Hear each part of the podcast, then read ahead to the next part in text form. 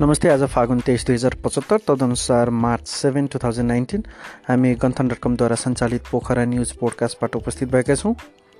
अब लिफ्ट चढेर सिधै बिन्दवासिनी मन्दिर दर्शन गर्न पाइने भएको छ।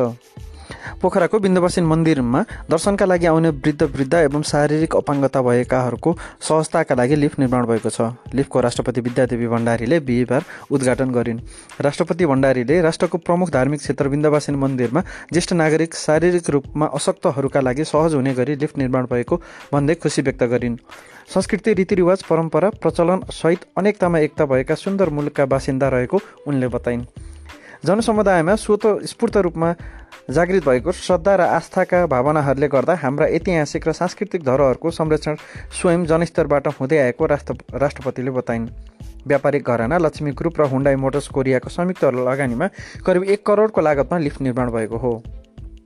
साठी फिट अग्लो लिफ्टमा दसजनासम्म चढ्न मिल्ने गरी व्यवस्थापन गरिएको बिन्दवासिनी धार्मिक क्षेत्र विकास समितिका अध्यक्षले जानकारी दिए। शिवम सिमेन्टको चौथो संस्करणको लकी ड्र पोखरामा सम्पन्न भएको छ। चौथो चरणको लकी ड्रमा साठी कुपनसहित एक सय बिसजना विजयी भएका छन्। यस योजना अन्तर्गत भाग्यशाली विजेताहरूले काठमाडौँदेखि गोसाइकुण्ड र गो गोसाइकुण्डदेखि हेटौँडा काठमाडौँसम्म हेलिकप्टर मार्फत दर्शन गर्न पाउनेछन्। यसअघि पहिलो दोस्रो र तेस्रो चरणको लकी ड्र सार्वजनिक भइसकेको छ। काठमाडौँ हेटौँडा र जनकपुरमा लक सम्पन्न भएको लकी ड्रमा तिन सय साठीजना छनौटमा परेका थिए। हालसम्म दुई सय चालिस कुपन मार्फत चार सय असीजना लकी ड्रमा छनौट भइसकेका छन्।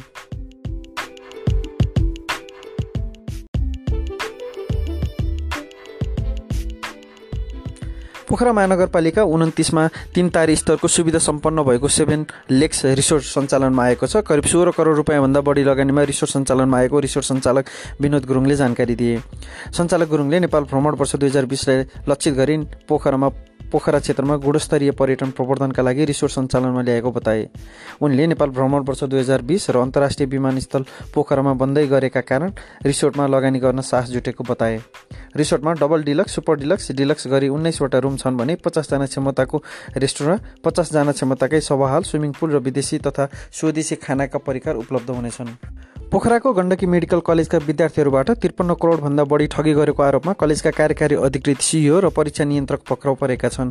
कलेजका सिइओ सन्तोष खनालाई पोखराका पोखरा बिरौ पोखराका बिरौटा र परीक्षा नियन्त्रक लक्ष्मण प्रसाद शर्मालाई राष्ट्रबिङ चोकबाट प्रहरीले पक्राउ गरेको हो। सरकारले तोकीभन्दा बढी रकम असुलेको भन्दै उजुरी परेपछि जिल्ला प्रशासन कार्यालयले बुधबार नै कलेजका सञ्चालक खुमा अर्यालसहित दसजना विरुद्ध पक्राउ पूर्जी जारी गरेको थियो। अतिरिक्त शुल्क फिर्ता गर्नुपर्ने शुल्क तिरेपछि बिल भाउचर दिनुपर्ने लगायतका चार बुधे माग राखेर कलेजका पाँच सय बढी विद्यार्थी एक महिनादेखि आन्दोलन आन्दोलनमा छन्। सरकारले उपत्यका बाहिर मेडिकल कलेजहरूमा एमबिबिएसको शुल्क बयालिस लाख रुपियाँभन्दा बढी लिएको विद्यार्थीको आरोप छ। कलेजले विद्यार्थीबाट दस लाखसम्म रकम असुलेको विद्यार्थीहरूले जनाएका छन्।